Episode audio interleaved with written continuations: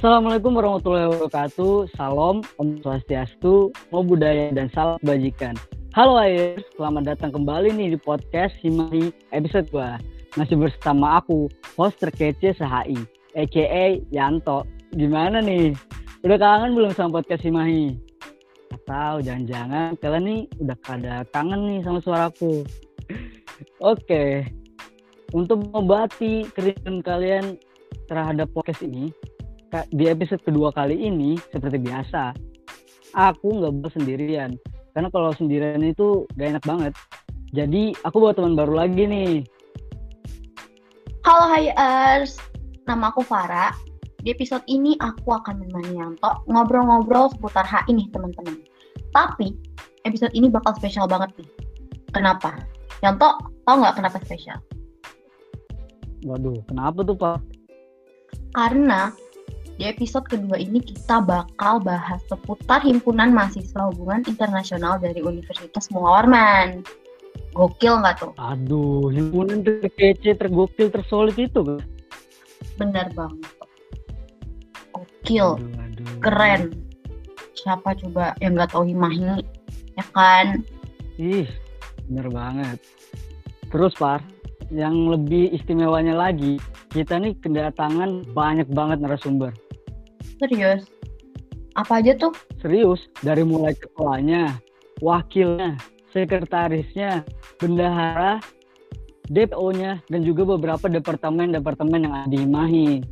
Wow, banyak banget ya yang tuh kayak bener-bener spesial semuanya banyak ada. banget. Keren banget. Kalau di es goreng ini sudah paket komplit, Bener, pakai telur. Oke, jadi Far, karena hire-nya kan gak sabar. Jadi kita langsung aja kali ya. Gak usah basa-basi oh. terus gitu.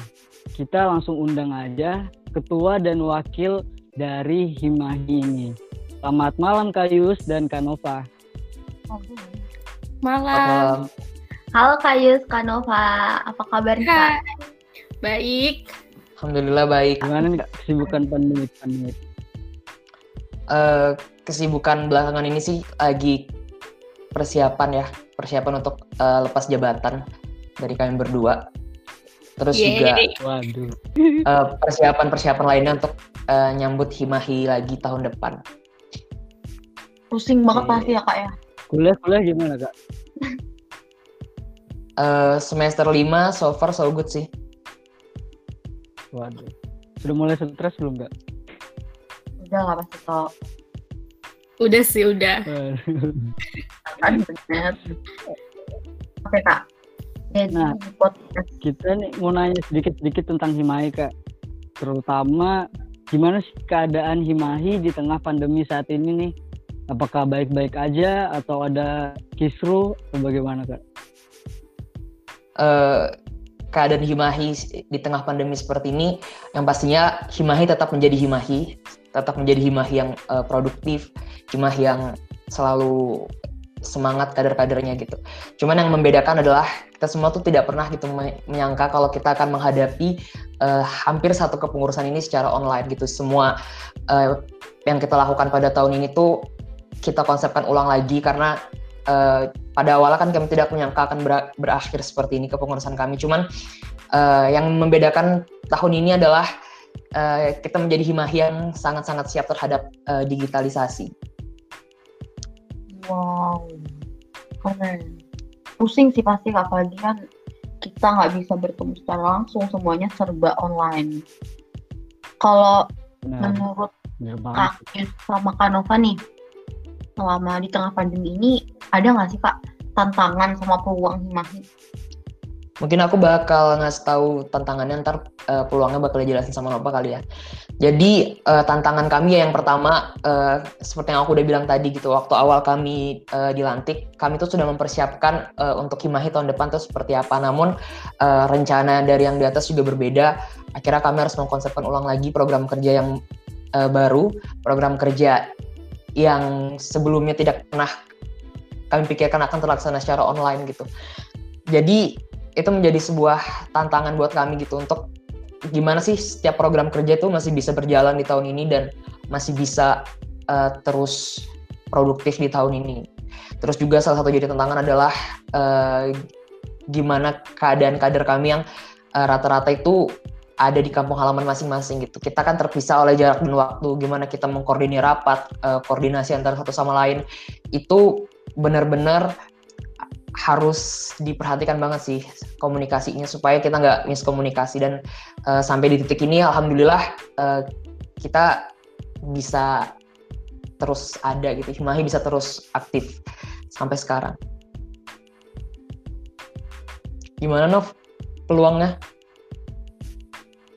Pusing banget ya Kak. Nova sendiri menurut kakak gimana tuh kak?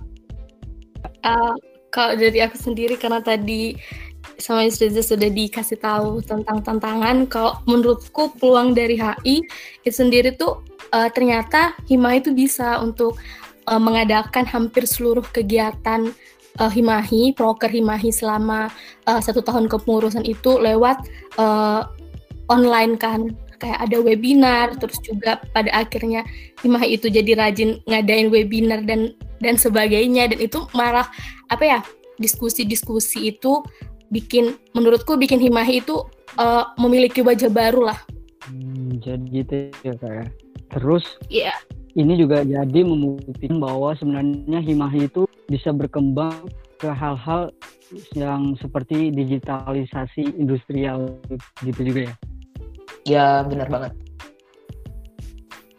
Hmm, oke okay, oke. Okay. Makasih ya kak udah memberikan jawaban-jawaban yang sangat menarik tadi terkait Himahi. Makasih Kak Nova, Kak Yusriza. Ya, sama-sama. Sama-sama. Contoh. Apa Kalau misalnya nih ya, kalau kamu yang jadi ketua Himahi, terus kita hmm. lagi di tengah-tengah pandemi gini, kamu bakal gimana? Pusing gak sih? Dengerin cerita kayu cerita sama kayu banget sih banget penting banget. Apalagi kuliah tuh online online online. Bete. Bete banget kalau udah udah ngurusin banyak orang jomblo lagi. Gimana dah tuh? Nggak ada yang ngasihannya. Kasihan. Cuma ada di sendiri ya toh oke deh. Iya nyemangatin diri sendiri terus tuh jomblo yang penting pintar ya nggak sih? Iya. Asik, yang penting berprestasi sih. Benar. Oke deh. Kayaknya kalau lebih seru lagi kalau kita bahas lebih dalam tentang hima ini toh. Boleh boleh tuh. Kita selanjutnya kita bakal bahas tentang departemen-departemen yang ada di hima ini. Kira-kira langsung dong kali ya? Hmm, gimana kalau kita bahas departemen OK dulu deh? Eh, kayaknya salah deh Tok. Kayaknya kita harus bahas tentang sekretaris sama bendahara dulu. Oh iya, aku lupa Pak. Aku saat semangatnya nih mau bahas tentang departemen-departemen yang ada di Himahi. Iya, soalnya seru banget kan, jadi nggak sabar gitu. Iya. Nah, kita langsung kalau aja. gitu kita langsung aja nih. Langsung aja, selamat datang kalau Nah, Iya. Halo, Kak. Apa kabar, Kak? Halo, Kak. Baik. Alhamdulillah. Alhamdulillah. Demi aman ya, Kak? Aman, alhamdulillah. Aman, aman. Gimana nih Kak kalau kesah menjadi sekretaris Himahi di tengah pandemi saat ini nih?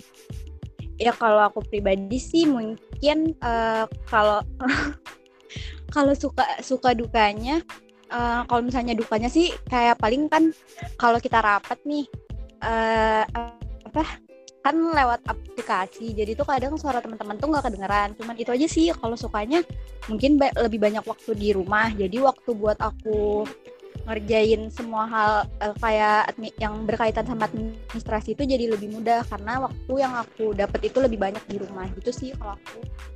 Bener sih kak lebih enak di rumah tapi nggak suka belajar dari rumah gitu. Iya bener banget. Aku juga kayak gitu kalau kalau kerja lebih suka di rumah kalau kalau kuliah nggak enak. Bener. Um, kayaknya kurang klop kalau sekretaris sendirian. Gimana kalau kita undang bendahara juga? Boleh boleh betul pak. Halo Kak Mary. Halo semuanya.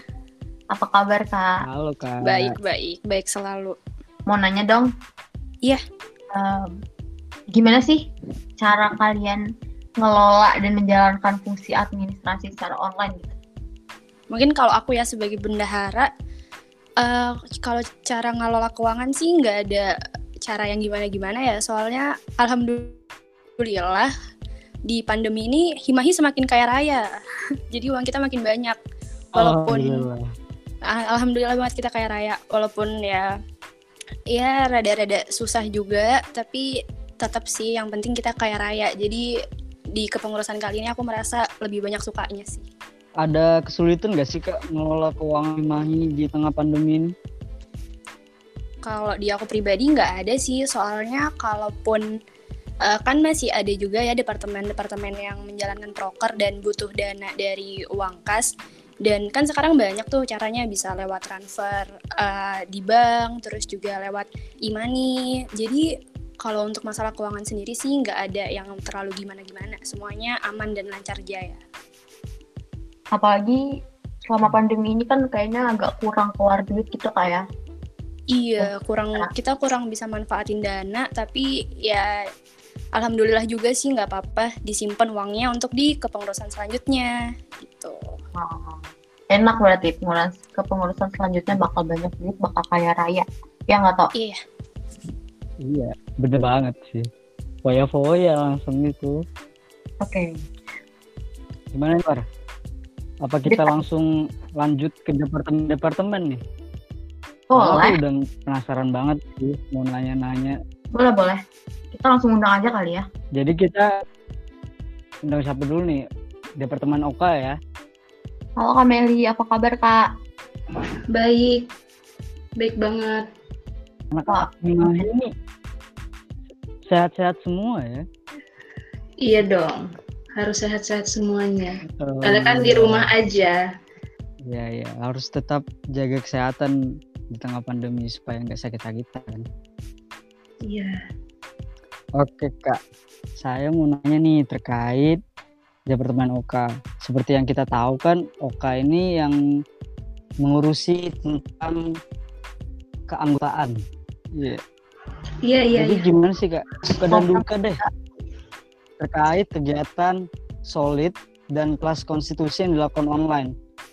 Karena kan eh, seperti yang saya tahu ya, kebanyakan teman saya itu pas solid karena offline itu kan interaksinya banyak. Jadi itu Hmm. banyak teman saya itu yang paling in love in solidarity kak. eh, Aduh, asik Jadi banget. gimana nih kak? Karena Oke. karena solidarity online ini apakah berpengaruh sekali kah atau gimana? Iya, jadi eh, pertama-tama eh, aku mohon maaf di sini eh, Fikri nggak bisa hadir ya. Dia berhalangan hadir juga tadi karena ada suatu alasan. Jadi eh, aku mewakili aja dari Oka sendiri. Eh, jadi eh, buat yang nggak tahu singkatan dari Oka, Oka itu singkatan dari eh, Departemen Organisasi dan Kaderisasi. Eh, di mana kan Oka ini kayak apa ya, kayak ujung tombak dari Himahi lah. Karena kan Oka, eh, Oka sendiri itu kayak merekrut membuat pengkaderan gitu-gitu kan. Kayak eh, ujung tombaknya Himahi lah kayak kader itu dihasilkan dari proker-prokernya Oka. Jadi buat kesan pesannya sendiri eh, buat proker-proker Oka karena proker Oka ini lumayan penting terus Iya, jadi eh, Oka ini kan eh, megangnya proker-proker gede ya, kayak pengkaderan gitu, kayak latihan kepemimpinan, solidarity. Terus eh, kemarin juga terakhir kami ngadain kelas konstitusi. Jadi kesan dan pesannya itu eh, seperti tadi yang disebut Yanto itu kan prokernya kayak proker eh, spesial banget gitu ya, karena kan eh, dari sini kalian tuh hubungannya eh, dari maba itu eh, mulai eh, kelihatan nih solid apa enggaknya di terutama di solidarity itu sendiri kan. Em, jadi kalau menurut aku suka dukanya itu kalau eh, beda sih sensasinya. Kalau misalkan kita jadi eh, pesertanya sama jadi panitianya terus sama jadi SC-nya. Jadi pertama-tama eh, seru nih kalau pas kita maba ngikutin pengkaderan gitu kan. Karena kayak apa ya kayak seru aja gitu eh, rangkaian kegiatannya. Nggak cuman kayak belajar aja tapi kan eh, di solidarity sama LK sendiri itu kayak have fun gitu kan kelihatannya. Kayak apa ya kayak selain selain belajar tentang organisasi juga eh, di pengkaderan proker OK ini sendiri kita juga mempelajari apa itu HI kayak basic-basic kayak gitulah. Terus uh, uh, buat solidarity sendiri itu kan pengkaderan ini uh, pengkaderan jenjang pertama nih sebelum dan itu merupakan uh, syarat wajib uh, anggota untuk masuk ke Himahi kayak gitu kan. Terus dilanjutkan juga ada LK juga kayak gitu. Terus terakhir ada kelas konstitusi uh, dan proker-proker uh, pengkaderan lainnya juga. Uh, terus juga uh, apa ya lagi? Ada lagi nggak pertanyaannya? Ada dong kak. Sebelum saya nanya yang penting banget nih kak. Ya. Kan sekarang ini online pandemi terus kalau nggak ada nggak ada pengkaderan tuh kurang gitu kak. Kira-kira pas dilakukan solidarity kemarin pengkaderan solidarity online kemarin itu ada masalah nggak sih kak? Kayak kurang apa gitu? Nah ya uh, jadi kan uh, kita tuh semua tahu lah kayak uh, pandemi COVID-19 ini kayak salah satu tantangan terbesar dari Hima itu sendiri kan tantangan selain Oka uh, proker-proker dari departemen lain juga itu tantangannya salah satunya adalah pandemi ini. Uh, jadi seperti yang dibilang tadi kayak pengalaman. Pengalaman itu menurutku uh, selama pandemi ini tentunya kurang ya bagi peserta sama panitia sama SC-nya sendiri. Karena kan kita ngelaksainin juga beda konsepnya beda terus uh, susunan acaranya juga kan semuanya dirombak gitu. Jadi uh, mungkin uh, tapi eh, gara-gara pandemi ini nggak ini sih maksudnya nggak menyurutkan semangat kita buat cari kader juga kan. Uh, jadi menurutku emang ini tantangan terbesar buat uh, proker-prokernya Oka. Cuman ya mau gimana lagi kan uh, kayak pencarian kader itu kan harus tetap berjalan nih setiap tahunnya. Karena kita sistemnya uh, dua tahun sekali gitu kan menjabatnya. Jadi ya mau nggak mau kita harus laksanain. Dan uh, salutnya uh, uh, adanya tantangan pandemi ini nggak ini sih maksudnya nggak menyurutkan kita buat nyari kader gitu kan jadi mungkin itu hambatan tapi masih bisa dilewatin meski, meskipun tantangannya dan ini tuh komunikasi kayak ribet terus komunikasinya bisa miss miss segala macam kan kemarin-kemarin itu itu sih masih jadi tantangan besar banget sih yang masih iya. bener banget Iya. apalagi karena covid ini kan interaksi tuh jadi terhalang gitu Iya. itu yang menjadikannya udah sulit lagi nih. Anak-anak tuh mau paling in love solidarity tuh udah sulit banget pak. Iya kayak iya pengalamannya kayak kurang aja gitu kan. Cuman ya mau gimana lagi kan. Kayak bener, intinya bener. tetap berjalan aja sih. Intinya eh, tujuan dari pengkaderan mulai dari LK itu kan LK kan kemarin sempat ini nih sempat nggak online kan eh sempat nggak offline sempat nggak online juga. Jadi LK itu masih ada rasa-rasanya kalau solidarity ini kan mungkin kurang. Cuman ya konsepnya tapi kita di sini kan jadi kita nemuin nih biasa eh, berarti solidarity nih bisa kok off anu dengan menggunakan media online kayak gitu sih jadi ada kelebihan dan kekurangannya juga kayak gitu Nah, gimana nih HR? Kira-kira Himahi keren banget gak sih buat ngurusin pengkaderan secara online? Bahkan dari di tengah-tengah pandemi ini kita masih Himahi masih bisa ngelakuin pengkaderan loh. Keren kan? keren banget sih pak kalau nggak bilang keren sih itu parah banget sih yang gue bilang Bener-bener. Eh, Kam- Kameli, ada nggak sih kak pesan untuk Oka di periode selanjutnya?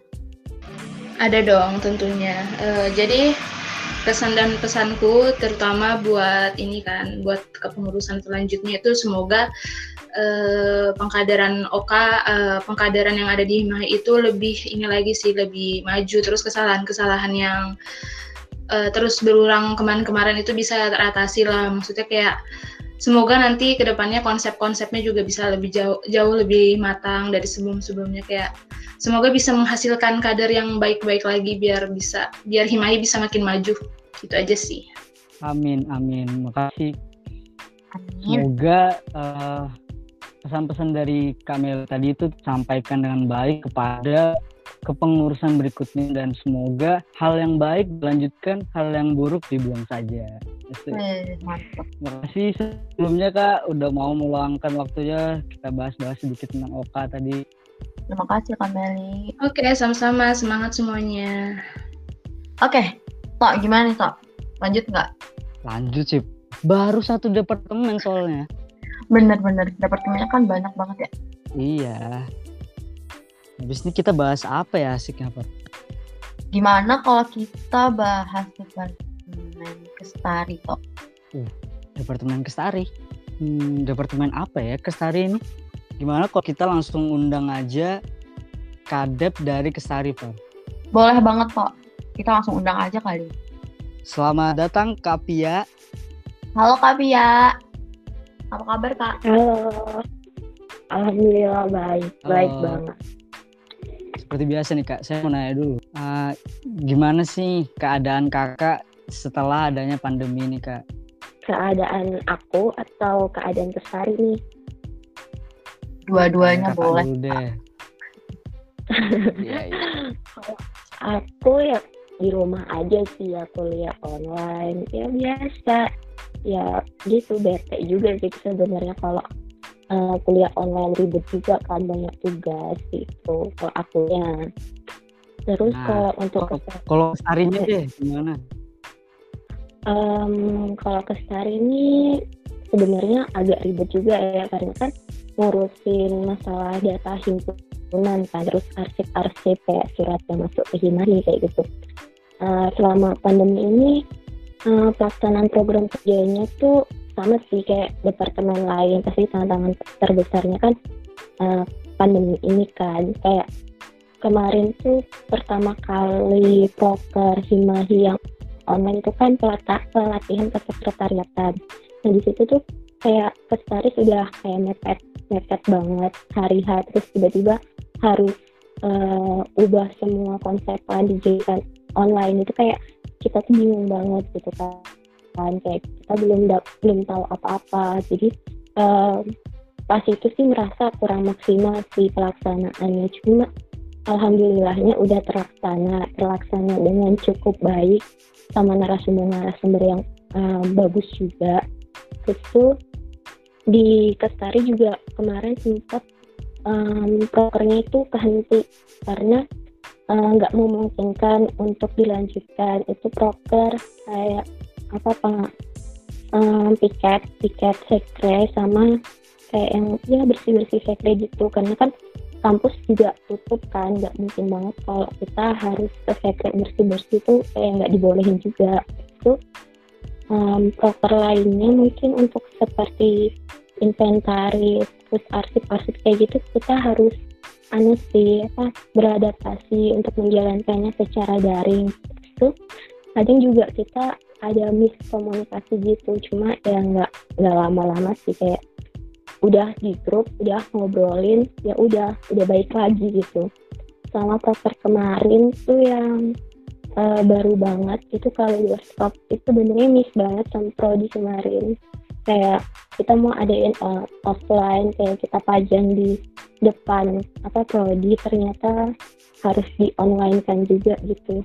Waduh, sayang banget ya kayak pandemi ini memang, aduh, semua Salah, rencana-rencana itu digagalkan ya, memang. Tapi isi kaleidoskopnya keren loh kak. Suka oh banget. sudah lihat nih udah, Udah lihat dong. nih Sudah, Wah. Kak, sudah. Keren banget. Coba bisa di post di dekan tuh, waduh, gimana dah, keren banget. Semuanya bisa. Wah, bisa nih bisa Pokoknya sebisa mungkin kepengurusan berikutnya harus offline. Gimana Pak? Bisa kalau kamu usir dulu corona itu yang to. Aduh iya. Hilang dulu. Pergi. Semoga semoga kelar, semoga kelar, semoga kelar. Hmm. Ada nggak kak pesan buat kes di periode selanjutnya? ada banget oh. jadi eh, untuk pengurus banget nih kan.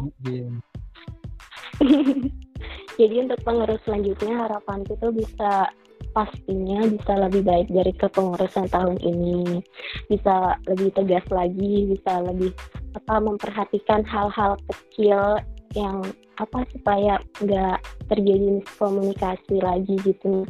Terutama untuk lestari kan eh, supaya lebih teliti lagi karena kan eh, berhubungan sama dokumen-dokumen himpunan sama arsip-arsip himpunan itu harus teliti banget. Terus tuh untuk proker-prokernya juga harapanku tuh lebih kreatif lagi dari tahun ini lebih seru lagi. Supaya Himahi Unmul tuh lebih terkenal nantinya gitu mas. Justru kalau masih harus uh, daring kayak gini harapanku konsepan-konsepan setiap proker itu dimatengin supaya uh, prokernya itu bisa maksimal gitu. Amin paling serius. Amin amin amin sih.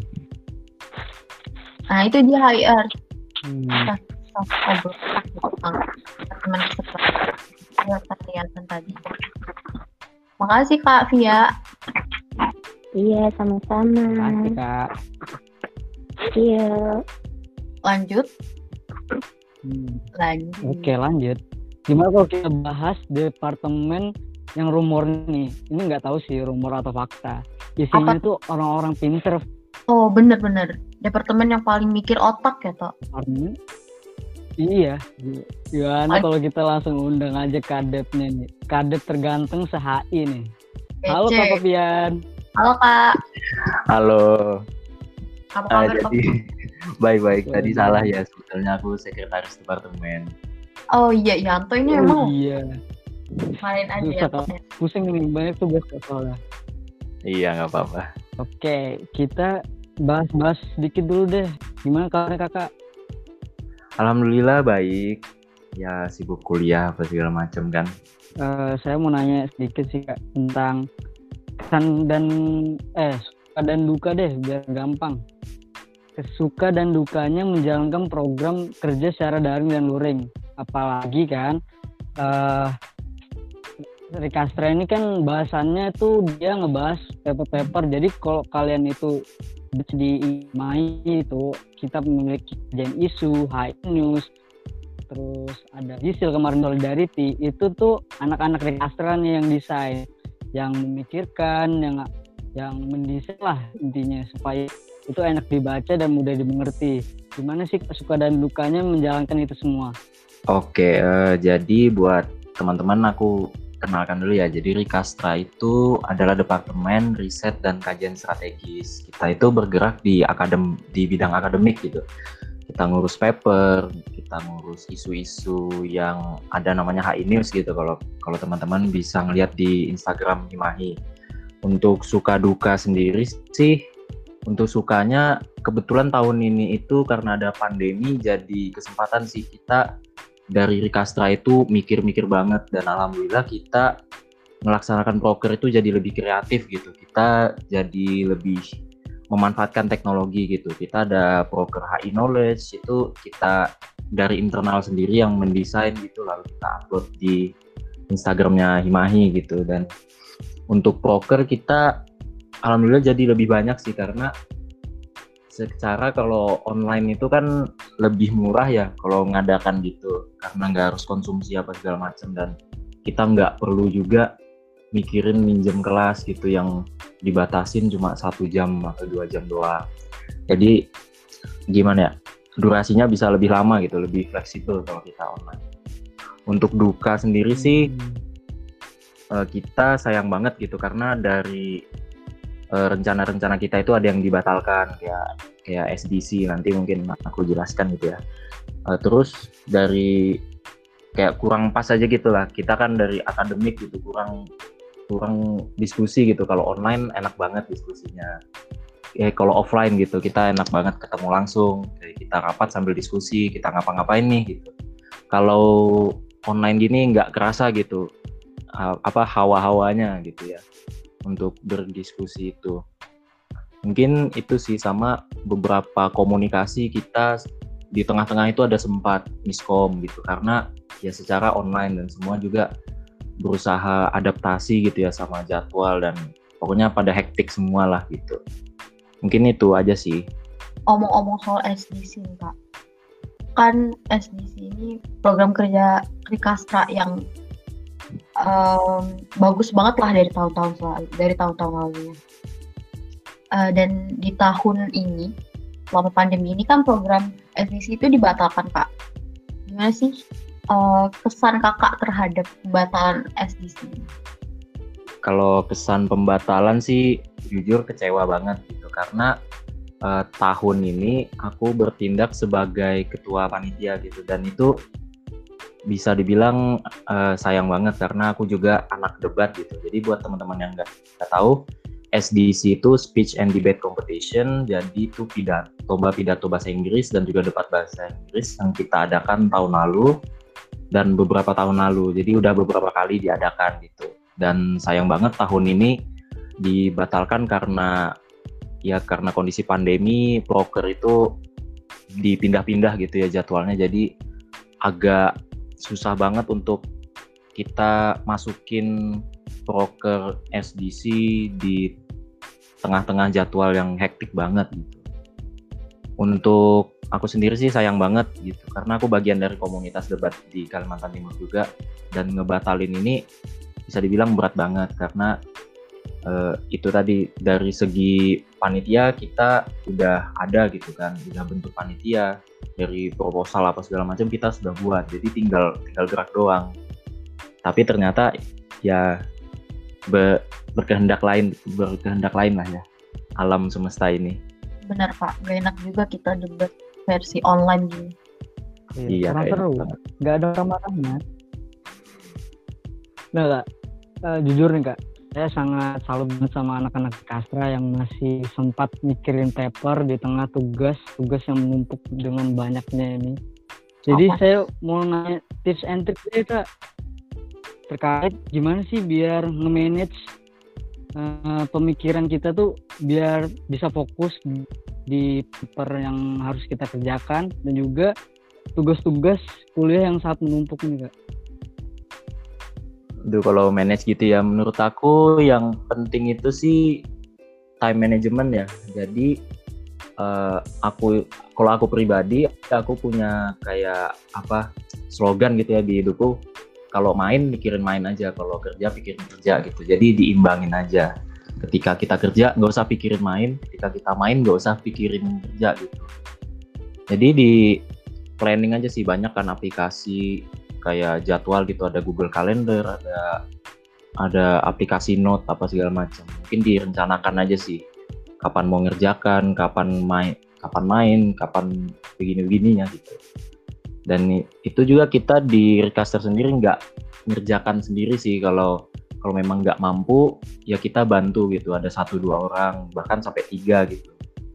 Yang tiap bulan kita bikin tim untuk mengerjakan satu judul paper itu boleh banget nih HR hmm, gitu, ya, jadi prinsip hidupnya Kak Fabian. Main aja, belajar oh, aja. Rapin dong, toh. Iya, iya. Bismillah. Oh ya, Kak. Kemarin itu kan kita, uh, Rikastra ada program kerja baru nih.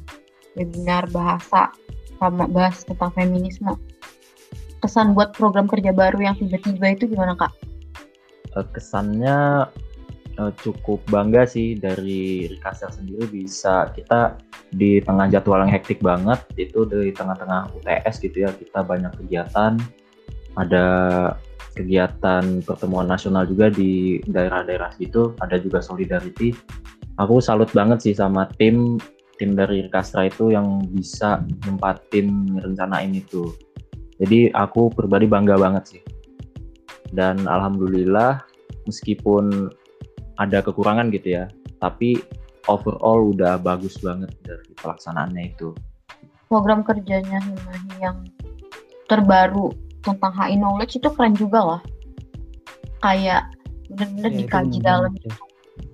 yang atau iya. Sangat membantu dalam mengerjakan tugas-tugas pak. Benar-benar nah kak terus ini saya mau nanya deh. Ada nggak sih pesan buat kepengurusan berikutnya nih buat Rikastra masa depan nggak?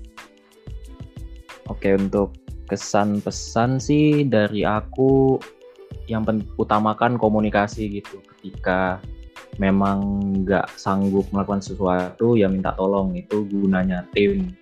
Dan juga kalau ada kayak nggak enak hati gitu diomongin. Itu sih yang terpenting komunikasi dan juga konsisten lah yang nggak usah nggak usah digas banget nggak usah. Nanti malah jadi capek gitu dan jadi berantakan. Yang penting itu konsisten aja. Mungkin itu sih kesan-pesannya dari aku. Pak. Memang semua hub- hubungan-hubungan itu harus diobrolin dengan komunikasi yang baik biar hubungannya tetap terjaga dan tetap solid tentunya. benar juga. Iya, benar Sama banget. buat hires yang penasaran nih tentang akademik-akademik yang dilakuin sama sama Rikastra, mungkin boleh cek IG kita kali ya, Iya boleh banget. biar makin Di sana pinter itu gitu. banyak banget proker-proker di Kastra yang pastinya sangat bermanfaat bagi tugas-tugas kalian. Apalagi kalau kalian mau bikin paper-paper, ya kita itu setiap hari, enggak setiap hari juga, ada kajian isu yang pasti sangat membantu buat tugas-tugas kalian tentunya. Dan kita bisa update terus tentang isu global, kan? Iya, bener banget. Gimana Oke. kalau kita lanjut aja langsung Pak? Biar nggak lama Boleh. lama. Yang lama-lama kita langsung undang Kita departemen yang paling sibuk. selama pandemi. Kominfo. Yoi. Halo Kak. Halo Kak Ariel. Halo Yanto Farah. Hai Kak. Halo nih, baik alhamdulillah baik. Gimana nih Kak? Sebagai departemen yang paling diandalkan di situasi online dan kebanyakan kan proker-proker itu berubah ke haluan menjadi konten dan, dan kebanyakan itu menjadikan tantangan-tantangan baru buat departemen kominfo ini.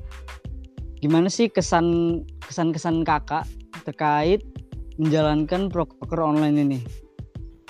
Eh, tentunya itu karena pandemi juga ya, jadi karena pandemi itu banyak banget stok-stok baru yang bermunculan.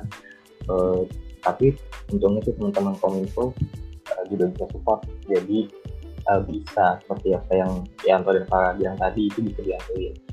Nah untuk masalah eh, banyaknya poker baru itu juga sebenarnya dibantu kominfo sendiri juga itu karena eh, banyak poker baru yang munculan kayak eh, kan ada webinar-webinar yang baru terus juga eh, kominfo jadi kan waktu itu juga sempat kayak bikin games jadi dari waktu di pandemi bisa eh, klik-klik main games gitu. Ya tapi sebenarnya tantangannya eh, ya tantangannya itu lagi sih selama pandemi mungkin komunikasi jadi kurang. Cuman teman-teman kominfo itu bisa ya bisa nimbangin hal itu deh bisa bantu bareng-bareng. Jadi sebagai departemen yang sibuk itu bisa bagi-bagi bebannya juga Nah, buat kalian nih yang nggak tahu feeds keren Himahi itu yang desain itu anak kominfo. Jadi jangan ragu buat calon-calon anggota baru masuk kominfo aja. Oke, Bener. Nanti kita bisa desain, ya kan? asik. Iya, tentunya. Oh ya Kak Ariel. Kesan Kak Ariel sama pelatihan desain proposal kemarin Eh, jadi untuk latihan desainnya itu sendiri sih ke- akhirnya bisa terlaksana juga setelah ya meskipun sempat ada kemunduran juga ya pada akhirnya teman-teman bisa melaksanakan proker eh, dari Kominfo ini. Dan pas acaranya juga ya alhamdulillahnya sih lancar ya Eh, teman-teman Himahi eh, kebetulan juga bisa dibilang antusias partisipasinya juga banyak dan ya semoga bisa bermanfaat untuk uh, teman-teman semua gitu. Gimana sih podcast ini kan sebagai poker terbaru ya. Menurut kakak gimana sih program kerja dilakukan Kominfo akhir-akhir ini? kalau ngomongin podcast sih ya itu tadi sih setuju juga sama jadi awal-awal itu sebenarnya lumayan mencoba untuk ya lebih siap aja sih ke dunia digitalisasi dengan ya, berkembangnya konten-konten di media sosial karena tentunya bisa banget diaplikasikan di Imani dan contohnya ada podcast untuk podcast sendiri. Itu sebelumnya kan juga ada episode yang belum dengar bisa didengar deh ya di ada di Imani Eh, sebagai program kerja baru sebenarnya ini potensinya banyak banget ya podcast semoga bisa dikembangin juga eh, untuk tahun-tahun ke depannya gitu. Amin, amin, amin. Nah kak, terakhir deh. Pesan buat kominfo di periode selanjutnya nih kak, ada nggak nih? mungkin bisa ini kali ya bisa bisa beradaptasi, beradaptasi juga sama lingkungan yang kayak sekarang ini kayak di pandemi.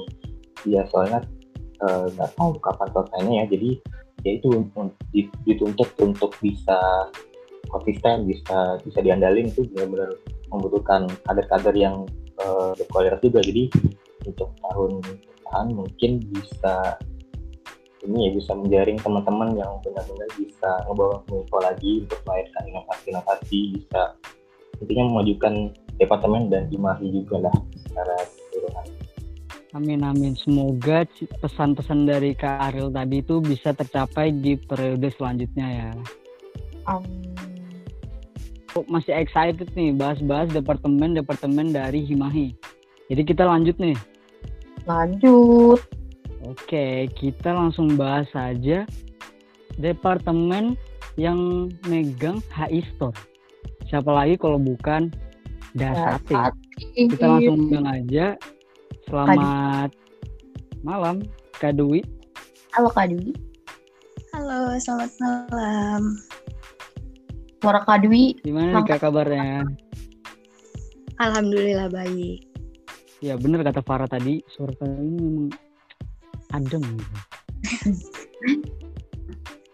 Gimana nih Kak, kesan dan tantangan proker yang dilakukan Dasatip apalagi ini kan banyak banyak nih jadi apakah omset penjualan merchant dari HI itu meningkatkah atau terpuruk atau bagaimana kak? Uh, untuk kesan dan tantangannya apa ya karena departemen Dasatip sendiri ini kan departemen yang baru ada lagi di kepengurusan 2019-2020 ini. Terus kita langsung dihadapi sama proker-proker yang mau nggak mau itu diadakan secara online. Pasti banyak kesan dan tantangannya sendiri kan. Apalagi ini departemen baru yang tugasnya itu menghimpun atau mencari dana untuk. Dan dari pengalaman selama pencarian dana itu, emang kita lakunya di penjualan secara offline dibandingkan online. Tapi bukan berarti penjualan online ini nggak laku banget. Uh, tantangan proker secara online itu lebih kelihatan di pelatihan kewirausahaan. Itu bermasalahnya paling di sinyal par partisipannya. Ada yang susah sinyal, ada yang nggak ada sinyalnya sama sekali. Ada juga yang mungkin nggak pakai wifi, jadi paketannya tiba-tiba habis, jadi nggak bisa ikut sampai selesai. Jadi mungkin itu aja sih tantangan proker online selama ini. Dan tadi tanya pemasukan kan, alhamdulillah pemasukan di Dasatif itu meningkat banget. Itu udah mencapai 500 ribu. Boleh minta duit kak? Tanda kak. Eh ini nih malah minta duit. Nah, tadi tuh sempat disinggung sama Kak Dwi kalau misalnya kehabisan kuota. Nah, sekarang nih Himahi juga di di High Store, Himahi juga menjual pulsa loh. Jadi kalian bisa banget tuh langsung beli pulsa di Cimahi Store. Bener Biar nggak kehabisan paket pasti kehabisan. Hmm. Kan sayang banget kalau kehabisan paket. Mau beliin aku toh? Lanjut Far. Gak mau. Oke. okay. Ada pesan gak sih kak buat desatif di tahun selanjutnya? Pastinya ada sih uh, pesan untuk kadep, sekdep atau anggota-anggota dasatif untuk tahun depan siapa pun itu Semoga Dasatif di kepengurusan selanjutnya dapat berkembang lebih baik lagi.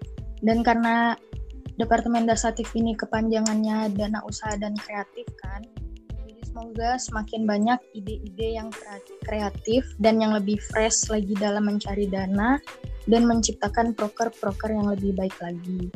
Dan semoga uh, Dasatif di ke depannya ma uh, menghasilkan duit yang lebih banyak lagi ya biar Himahi semakin kaya dan pesan untuk kadep yang akan memimpin selanjutnya siapa pun itu diharapkan dapat bertanggung jawab dan menjaga seluruh.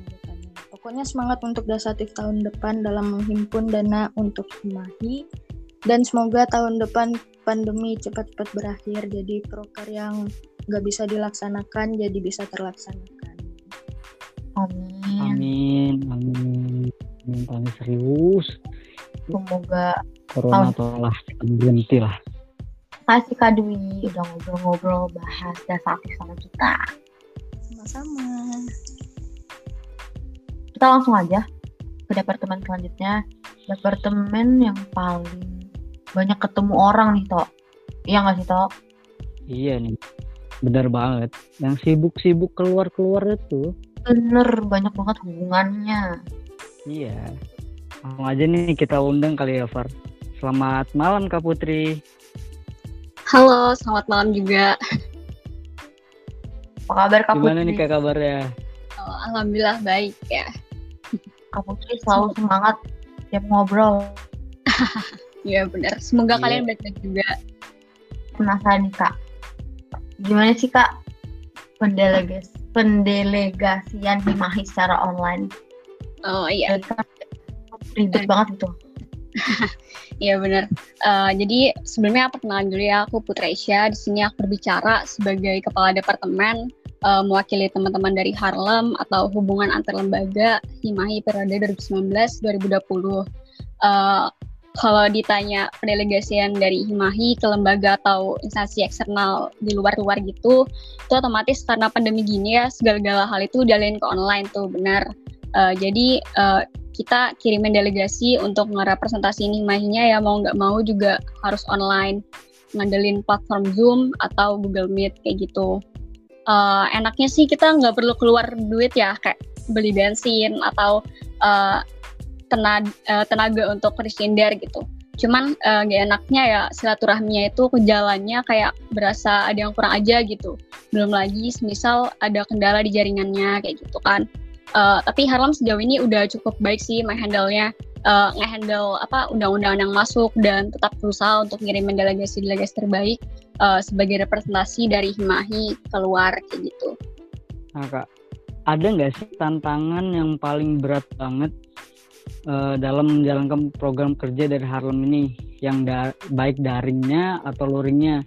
Lagi seperti yang kita tahu dari Harlem sendiri sudah mengerjakan proker yaitu Himahi for All. Ada nggak sih kak tantangan-tantangannya?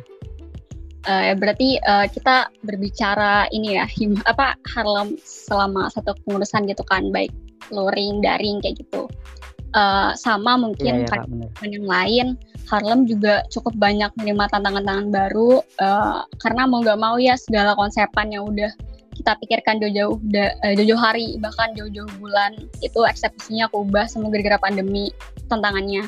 Kayak bener-bener semua di online kan gitu.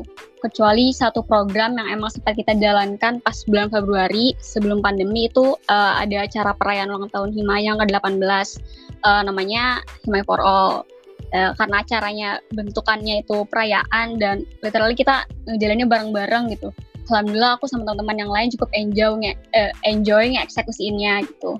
Eh, kalaupun ada yang kurang kita itu masih being able gitu untuk eh, apa ya eh, masih bisa gitu untuk ngumpul duduk bareng pikirin solusinya barengan. Nah sedangkan eh, dibandingin dengan proker-proker selanjutnya yang emang dieksekusi secara virtual atau online gitu ketika dihadapin sama suatu struggle kita nggak bisa lagi tuh duduk bareng pecahin solusi bareng kayak gitu kayak jujur ada aja miskomnya kayak gitu. Entah itu karena kurang nongkrong bareng kak atau kurang motivasi buat tetap bertahan kak di masa-masa yang apa ya banyak dukanya kayak gini atau disibukin sama hal-hal lain yang uh, sekiranya tuh penting penting juga gitu. Uh, kayak ya meski udah dimudahkan kan dengan fasilitas teknologi ada tapi mungkin tetap namanya komunikasi itu di mana-mana juga enakan langsung ngobrol gitu di depan orangnya buat nyelesain solusi gitu-gitu. Misal ada problem Lagi-lagi corona. iya Memang corona ah, siapa sih corona? Kak, kalau tentang sosialisasi debat sama virtual celebration yang baru dikerjain Harlem, gimana tuh Kak? Ah, iya benar Eh, jadi selain uh, suka duka suka duka Harlem ngerjain proker yang saya saya itu Harlem juga punya dua dua proker baru tambahan ya pertama itu ya benar sosialisasi sosialisasi debat Eh, yang kedua itu virtual celebration Eh, sosialisasi debat ini TSO-nya eh, teman-teman dari MPM Visit kan jadi proker ini diadain selain untuk nambah wawasan dari teman-teman sekalian sebenarnya juga uh, buat ngisi keproduktifan Himai juga yang prokernya berapa itu ada yang tercancel karena nggak cocok untuk diadakan secara online gitu. Jadi kalau bisa dibilang itu kayak langkah yang memanfaatkan peluang gitu. Uh, terus ada satu proker lagi yang tadi namanya virtual celebration. Uh, acara ini sebenarnya uh, bukan proker baru sih, tapi pengganti dari acara diplomasi festival yang sebelumnya itu udah dirancang uh, untuk ngerayain disnatalisnya Prodi HI Unmul Uh, cuman lagi-lagi ya karena pandemi teman-teman uh, ujung-ujungnya kita mesti putar otak lagi gitu untuk mikir gimana caranya perayaan ini tuh bisa meriah meski harus dieksekusi secara uh, virtual ya berakhir jadinya uh, virtual celebration ini kita isi pakai webinar dengan pembicara-pembicara yang uh, sengaja kita undang yang berkelas gitu. Dan gak lupa juga pakai lomba-lomba yang alhamdulillah hadiahnya itu nggak bikin sapi peserta gitu. Uh, makanya dibalik up and down-nya kepengurusan dalam satu tahun ini aku salut sih sama teman-teman dari Harlem uh, yang masih ngeluarin waktunya untuk ikut pusing bareng. Ya, mungkin itu aja sih Iya sih kak, benar. Yang pas virtual celebration itu teman saya tuh ada yang menang. Itu bahagianya luar biasa kak. Alhamdulillah. Alhamdulillah. Nah lanjut nih kak, ada nggak sih pesan buat Harlem ke depannya nih? uh, pesan untuk Harlem di periode berikutnya ya. Ya, aku tentu berharap banyak yeah. sih teman yang menjadi bagian dari Harlem nantinya maupun uh, pengurus dari 19, pengurus dari maba nantinya uh, kayak masih banyak nanti mimpi kita yang belum terwujud teman-teman. Masih banyak tantangan baru yang nunggu untuk kalian hadapi nantinya. Kayak aku cuma pesan selamat berjuang. Jangan lupa untuk tetap menikmati di setiap prosesnya. Jangan apa ya jangan merasa terbebani gitu. Semangat. Semoga di tahun-tahun berikutnya yang tersisa itu cuma hal baik gitu. mungkin itu aja Yanto para amin. Makasih Kak Putri. Amin amin. Ya. makasih Kak. Tapi bener ya para anak-anak Harlem ini pacar rebel banget hubungan antar lembaga aja dia jaga baik-baik apalagi hubungan kalian eh asik lanjut deh lanjut deh stop stop, stop. oke okay. oke okay, oke okay ke departemen selanjutnya okay. yang lebih sosial lagi nih kok daripada Harlem. Hmm, bener banget nih. Ini orang-orang yang paling baik hati nah, di Himahi. Murah hati. Langsung aja nih kita undang. Selamat malam Kabara. Selamat malam Kabara. Halo, selamat malam semuanya. Wow, Kabara. Oh, semangat, semangat sekali nih Kabara nih. Iya, semangat, semangat, semangat. Tiap hari semangat. Kasih kabar baik dong, Kak. Alhamdulillah baik. Kalian juga pasti baik ya kan semuanya? Baik banget. Kak. Tentu, tentu. Nah kak, saya nih mau nanya nih, kan ya, ya, kemarin itu sempat proker proker Depsus nih yang itu Haichu itu pernah terlaksana secara offline di awal kepengurusan. Nah, ada nggak sih kemungkinan kalau misalnya Haichu ini terasanya terlaksanakannya online itu ada nggak sih kendalanya Ya jelas pasti banyak banget kendala. Secara otomatis ya kan kita bisa lihat bahwa proker-proker dari Departemen Sosial sendiri itu rata-rata proker yang harus dijalankan tatap muka gitu kan. Yang aktivitas langsung di jalanan. Terus kita terkendala dengan ya sama seperti masalah teman-teman yang lainnya yaitu corona yang kita harus stay di rumah. Benar kata Putri tadi harus putar otak lagi gimana caranya untuk menjalankan. Nah kemarin tuh sempat kalau nggak salah dapat online untuk Haichu ya kan charity dan urgensi. Ya kendalanya tuh kita harus apa ya renggang waktunya harus ditambah. Misalnya nih kita buka open donasi untuk seminggu karena susah aksesnya jadi kita tambah lagi dua minggu. Ya begitu. Kita susah banget deh pokoknya kalau dijelaskan. Lebih susah di apa ya diucapkan dengan kata-kata seperti rasa gitu kan. Asik. Waduh. Tapi ada nggak sih, maksudnya partisipasi dari orang-orang itu masih tetap baik nggak sih kak? Wah, alhamdulillahnya ya ada. Kita kenal sendiri lah karena Himahi solidaritinya kuat gitu ya kan. Dari senior ya, maupun junior-junior kita alhamdulillah berpartisipasi ya. Mau nggak mau harus berpartisipasi kan namanya Himahi harus masih kuat ada, soalnya masih banyak orang orang baik di luar sana iya betul pasti. Ah, selama corona kita harus bisa membantu sesama lain. Benar. karena ini masalah sulit. Kalau kita ada sendiri ya tidak mungkin. Apalagi kita mak makhluk sosial ya kan? Betul sekali. Iya benar banget kak. Nah kak saya mau nanya lagi nih. Kesan dan tantangan kalau tadi kan kita bahas HICU nih. Kita bahas hmm. tentang HICES nih kak. Waduh, apalagi high, high nih. High action dan high Ramadan nih kak. Benar. Apa tuh kak? Aduh, kalau high chest ya dibilang ya. high test ini ada yang action, ada yang kampanye langsung lewat on apa lewat Instagram feed, story dan lain-lain ya. Alhamdulillahnya untuk Instagram feed kita masih bisa melaksanakan karena masih bisa bekerja di rumah gitu kan. Tapi kalau yang action, aduh, seperti yang aku bilang dari awal tadi kan, rata bukan rata-rata, semua proker Devsos itu ya langsung ketemu, kalau langsung turun ke jalan, langsung melaksanakan aktivitas agak susah kalau dilaksanakan di rumah gitu. Jadi tantangannya gimana caranya kita bisa melaksanakan. Jadi kita ada high action kemarin buat webinar tentang mental, mental tentang health kan. Kita ngundang Kaprodi, alhamdulillah berjalannya sukses. Partisipasi banyak, bukan cuma dari kampus kita aja, dari kampus luar juga ada partisipannya. Terus kalau misalnya hari Ramadan, waduh, hari Ramadan ini hal-hal yang apa ya? kebersamaannya didapat banget ya kan kita bisa ngumpul-ngumpul bareng ya, bener -bener. sama buka buka bersama bareng oh itu buka bersama bareng tuh yang paling dicari dah itu pasti dah Iya, hampir bener, hampir ya. puasa kita mungkin se sebulan puasa itu lebih dari lima kali bisa melaksanakan buka puasa bareng. Terus kalau di Ramadan ini hmm. sayangnya kita nggak bisa karena lagi-lagi terkendala dengan corona. Ya saya berharap aja bulan di tahun hmm. depan corona udah hilang nih kan? Amin kak semoga. Nah, aja ya. Semoga. Semoga amin. Amin. Ada nggak sih kak pesan buat Depsos di tahun depan nanti? Untuk pesan banget nih buat Depsos yang untuk melanjutkannya ke Depsek-Depnya dan anggota-anggotanya mudahan bisa membuat proker yang lebih wow dan bisa melaksanakan proker yang nggak bisa dilaksanakan tahun ini pengen banget gitu nah laksanakan. Apalagi apalagi HI3N tuh. Wah HI3N ketemu maba saudara maba Cinlok bisa jadi. Tuh, waduh apa, itu yang ditunggu sebenarnya. Itu yang ditunggu-tunggu hmm. pasti kan? Iya bener Semoga, banget. Bener-bener. Semoga bisa ya bisa melaksanakan lah sampai keluar mungkin. Semoga Amin. Makasih Kak Bara. Amin, amin, amin. Ya, ya, terima kasih banyak semuanya. Thank you so Salam Depsos. Oke, okay, salam Depsos. Kita lanjut aja. Departemen dengan dengan ya, apa ya tingkat partisipan kalau offline itu banyak banget Pak. Proker-prokernya itu banyak yang mengikuti. Apa aja tuh?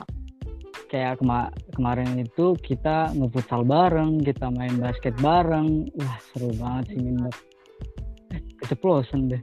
Kita undang aja kalau langsung ya karena ah, keceplosan. Bener. Halo kak Amanda. Halo kak halo Yanto. Halo Farah. Apa kabar kak? Alhamdulillah baik. Alhamdulillah. Kalian ini apa kabar nih? Baik aja kan? Oh, baik. Alhamdulillah sih saya baik kak. Cuma uang saku saya yang nggak baik kak. Ah benar-benar sedih ya Yanto Kamanda iya, bener banget hmm? ya um, selama pandemi ini kesan dan tantangan program kerja dari Minbak secara daring luring itu apa sih kak? Kan ada High Explore, ada Kids, ada High Sport yeah. juga. Gimana tuh kak kesan dan tantangannya? Uh, uh, kalau kesannya sendiri ya uh, apa ya? Untuk aku pribadi tuh aku agak sedih ya soalnya Minbak itu kan rata-rata program kerjanya tuh lapangan eh, langsung ketemu gitu kan. Tapi karena pandemi jadi banyak yang terhambat. Jadi otomatis banyak proker yang harus dilakukan secara uh, daring ya. Terus tuh uh, aku senang juga karena dengan adanya pandemi ini juga aku dari Minbak sendiri tuh ada program kerja baru hits gitu kan. Yang di mana kita uh, ngasih lihat kan uh, ngasih lihat kan bakat-bakat uh, warga HI gitu. Terus tuh tantangan paling tantangannya itu ya sama sih kayak departemen-departemen lain. Karena pandemi jadi banyak proker-proker yang nggak terlaksana.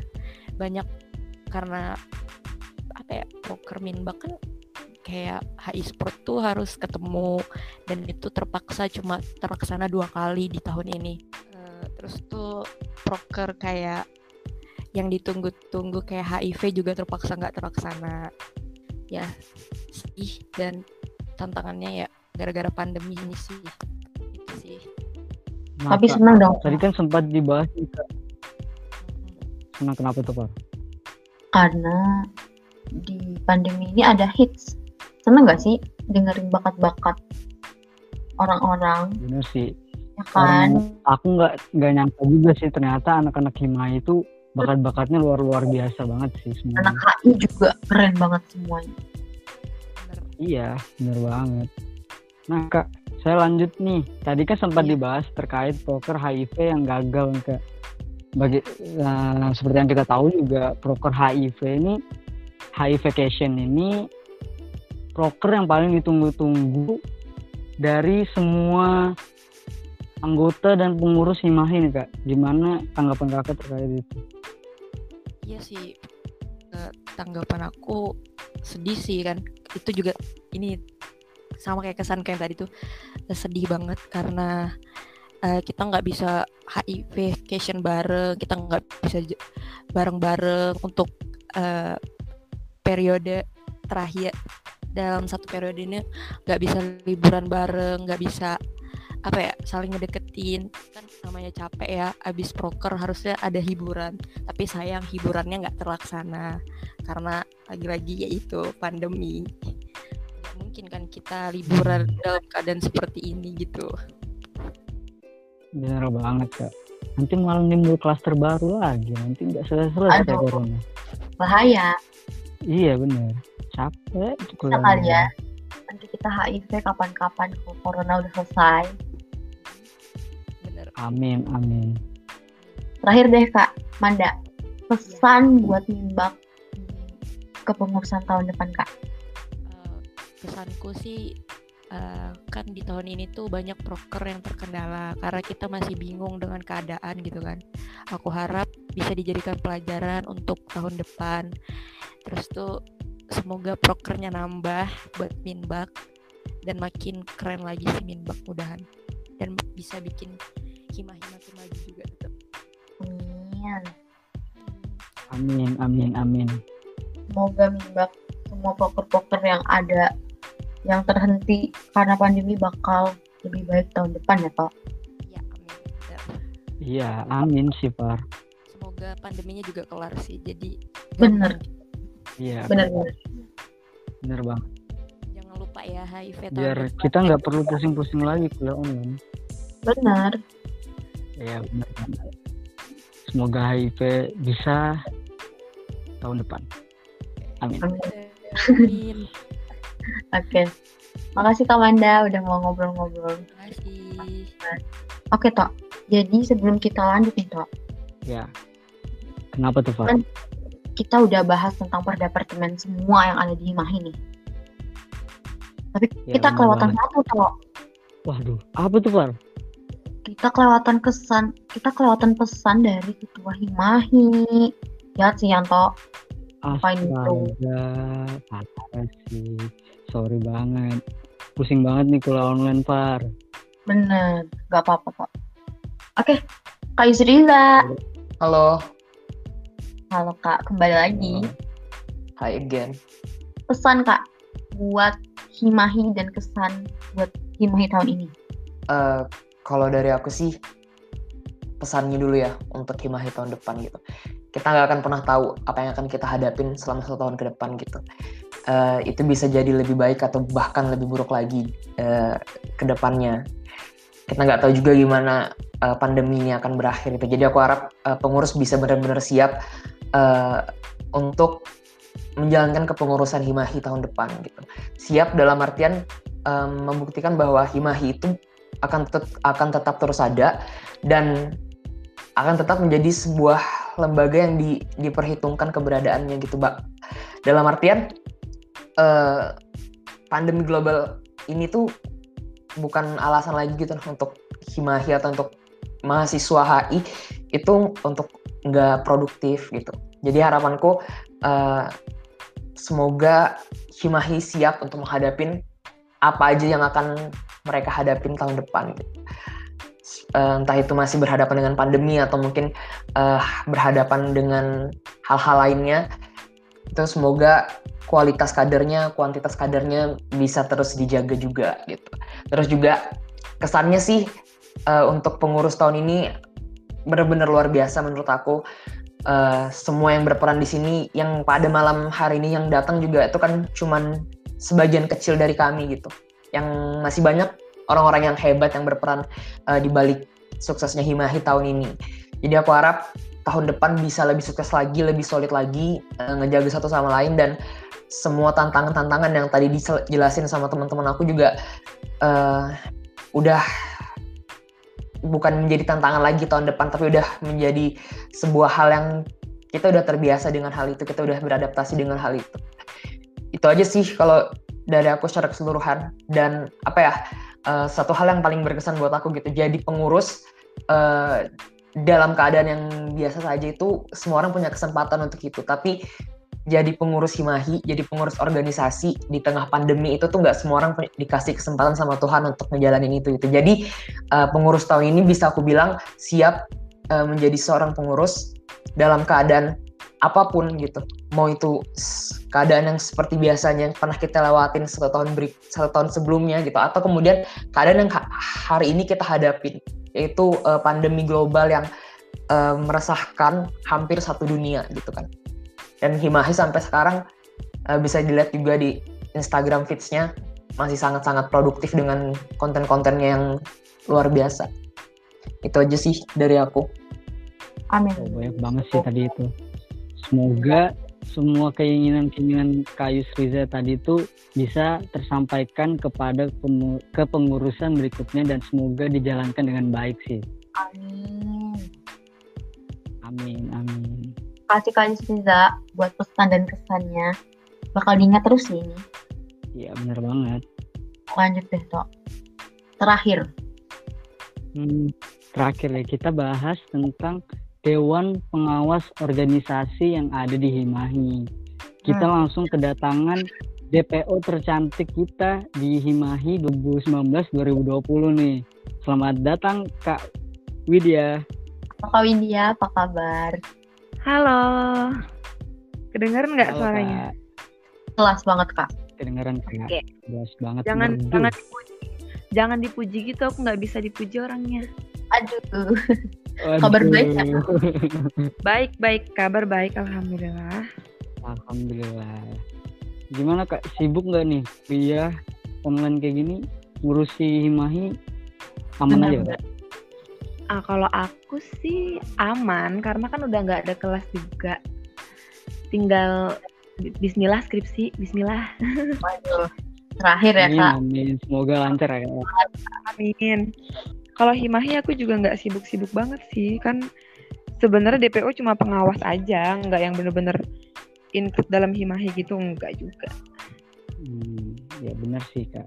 Benar nah, juga sih. Tadi kan saya mau nanya nih kak, saya mau nanya itu terkait pandangan DPO terhadap Himahi di tahun ini, Kak.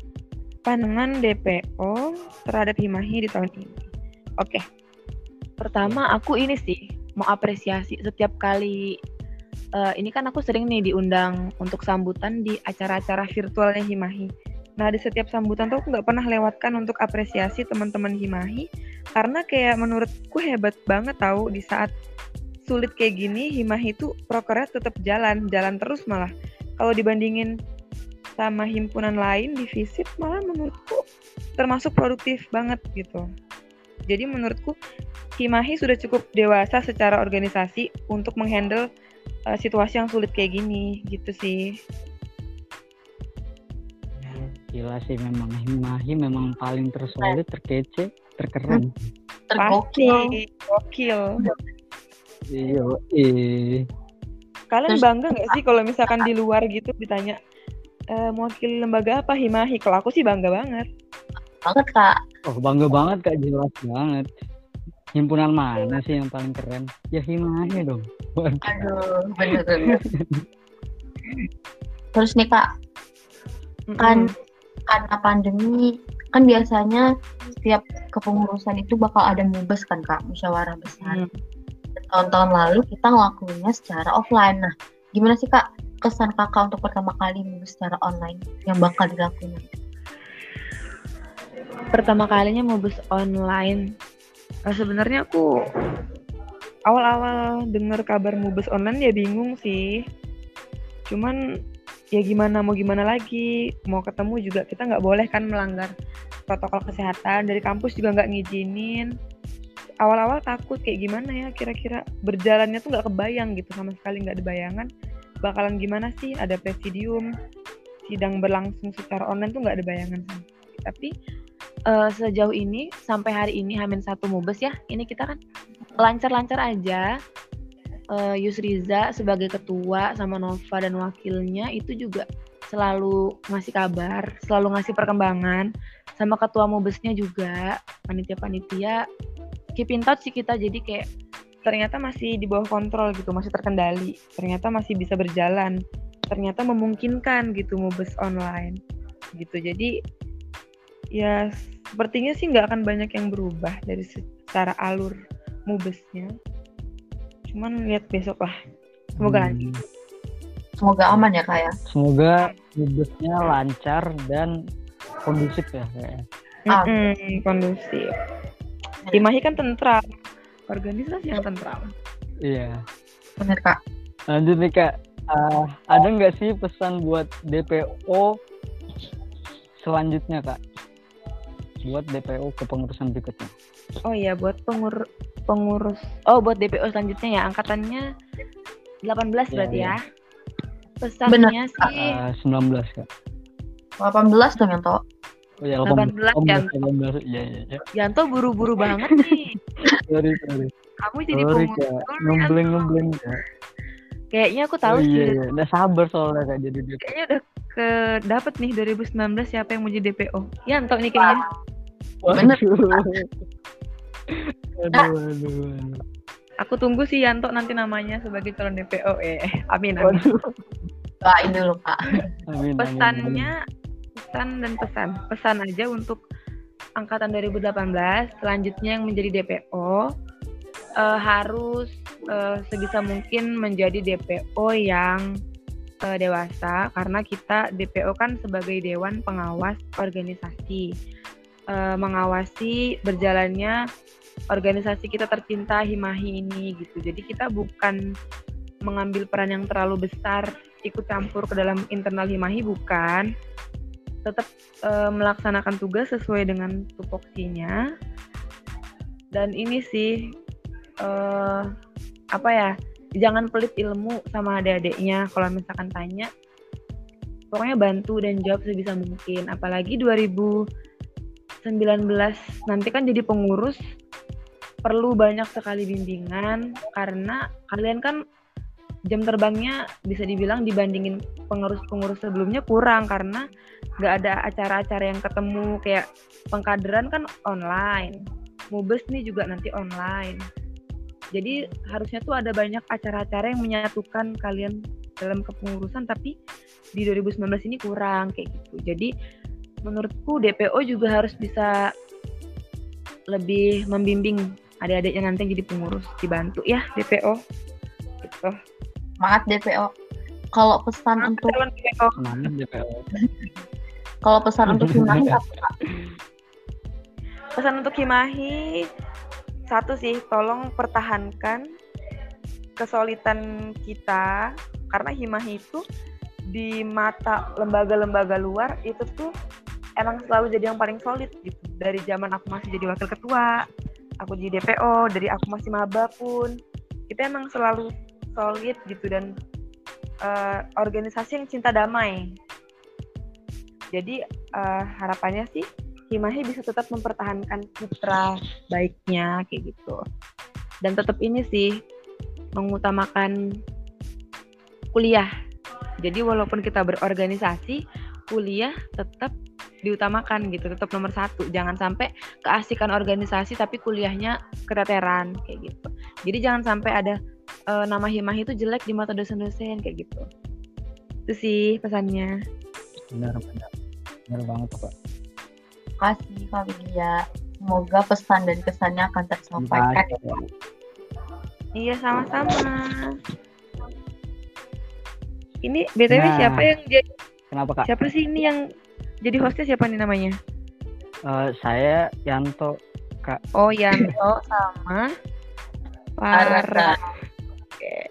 Ya, bener. Lama ya kita nggak ketemu Iya, ya. Iya, Iya. Kak.